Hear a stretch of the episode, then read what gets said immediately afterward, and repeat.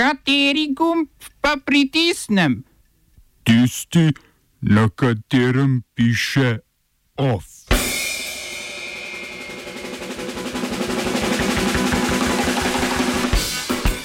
Sprejet nov nacionalni energetski in podnebni načrt.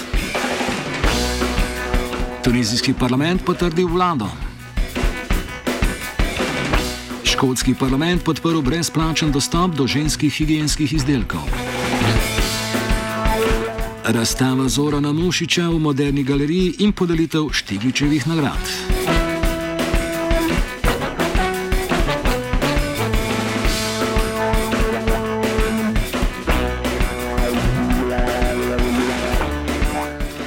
Tunizijski parlament je štiri mesece po volitvah potrdil vladni kabinet Eliesa Fakfaka. Največja parlamentarna stranka je Nanda, zmagovalka oktobrskih volitev, je po vključitvi šestih njihovih članov ministersko ekipo podprla novo vlado. Prvi neuspešni poskus sestavljanja vlade je pripadal prav tej stranki, ki s svojimi 52 glasovi v razdrobljenem 217-sedežnem parlamentu ni uspela sestaviti vlade. Predsednik Kajis Said eh, je na to mandatarstvo podelil nekdanjemu finančnemu ministru Fakfaku, ki bo poskušal kot tehnični premijer voditi vlado šestih strank. Ena od prvih nalog vlade bodo poleg eh, rešitve težav, težavne, težave 15-odstotne brezposobnosti pogajanja z mednarodnim denarnim skladom, saj se štiri leta trajajoči 3 milijardni paket pomoči v zameno za trgo prijazne gospodarske reforme zaključi aprila letos. Prav toliko naj bi potrebovala Tunizija, da pod streho spravi letošnji proračun.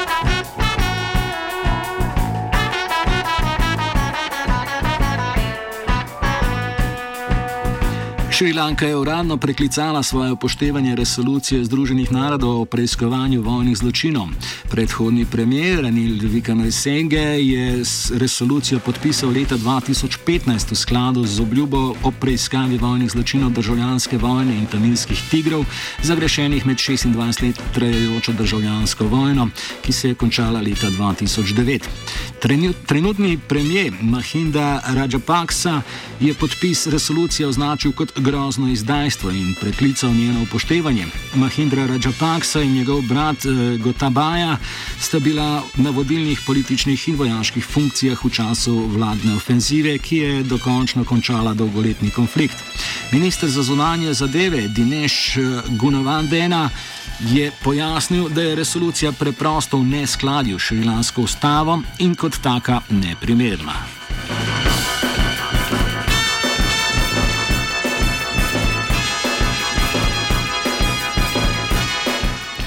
Mauretanija se je prvič pridružila svetu za človekove pravice Združenih narodov, 47-članskem mednarodnem organu, ki deklarativno varuje človekove pravice po svetu.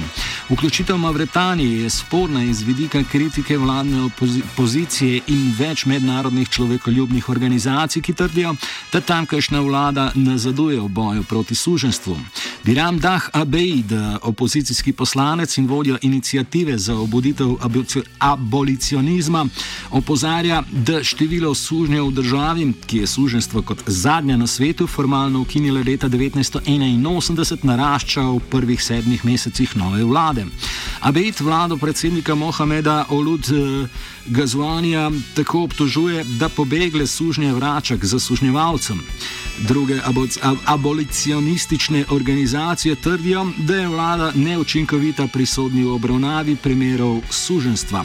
Spomnimo, v prejšnjem sklicu sveta je sedel predstavnik Saudove Arabije. Toliko.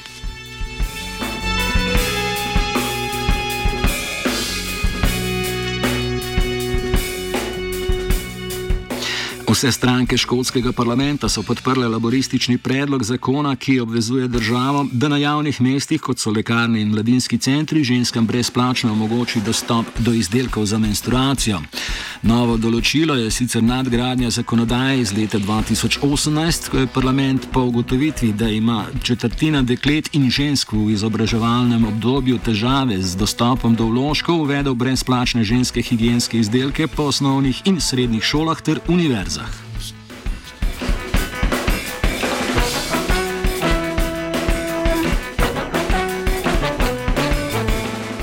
23 evropskih držav je v Zagrebu podpisalo pismo o nameri ustanovitve mreže obveščevalnih agencij Evrope.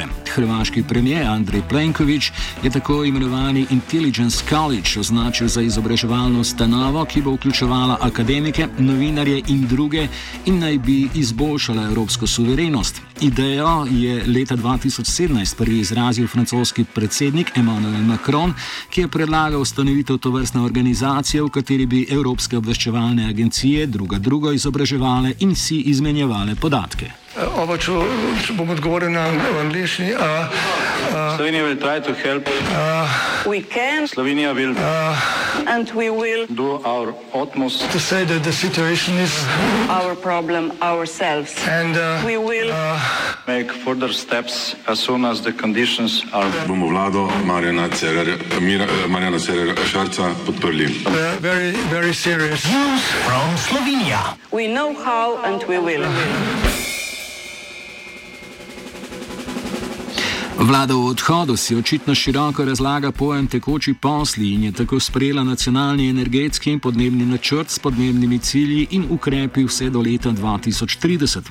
Do takrat naj bi tako za 36 odstotkov zmanjšali emisije toplogrednih plinov in dosegli, da bi 27 odstotkov vseh energetskih potreb pokrivali iz obnovljivih verov energije.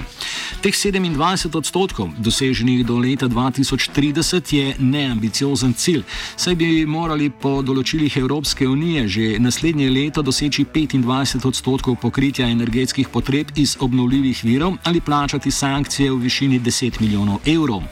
Načrt predvideva gradnjo hidroelektrarn do leta 2030 kot del zmanjšanja odvisnosti od fosilnih goriv, vendar lokacije gradnje še niso znane. Glede jedrske energije načrt predvideva le, da se je treba do leta 2027 odločiti ali za ali proti gradnji drugega bloka jedrske elektrarne Krško.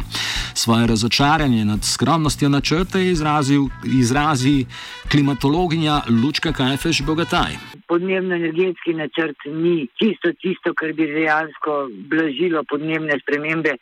Uh, premalo ambiciozen, to smo povdarjali že tudi v javni razpravi. In, uh, žal je zdaj nenadoma se nam tako mudilo. Ne? mnogokrat zamujamo z dokumenti v Bruselj, tokrat morali biti točni. Vse v tem, kar v podnebnem načrtu piše, izhaja iz prejniškega cilja. Ne? To se pravi, če mi uh, bi zastavili si cilj 55 ali več odstotno zmanjšanje emisij, potem bi bil popolnoma drugačen. Vsi detajli, ki so noter, izhajajo iz začetne predpostavke, da nismo dosti ambiciozni. Vodstvo nove Ljubljanske banke je srpsko vlado podpisalo pogodbo za nakup 83,23 odstotnega deleža komercialne banke. Kupnina za omenjeni delež znaša 387 milijonov evrov, na ta način pa bo NLB okrepila prisotnost na področju tako Srbije kot Črne Gore ter Bosne in Hercegovine, kjer je močno prisotna komercialna banka. Več o vzrokih in posledicah nakupa pa v offsajdu ob 17. Of je spisala Gea. Mega, kul, cool, kul, cool, kul, cool, kul, kul, kul, kul, kul, kul, kul.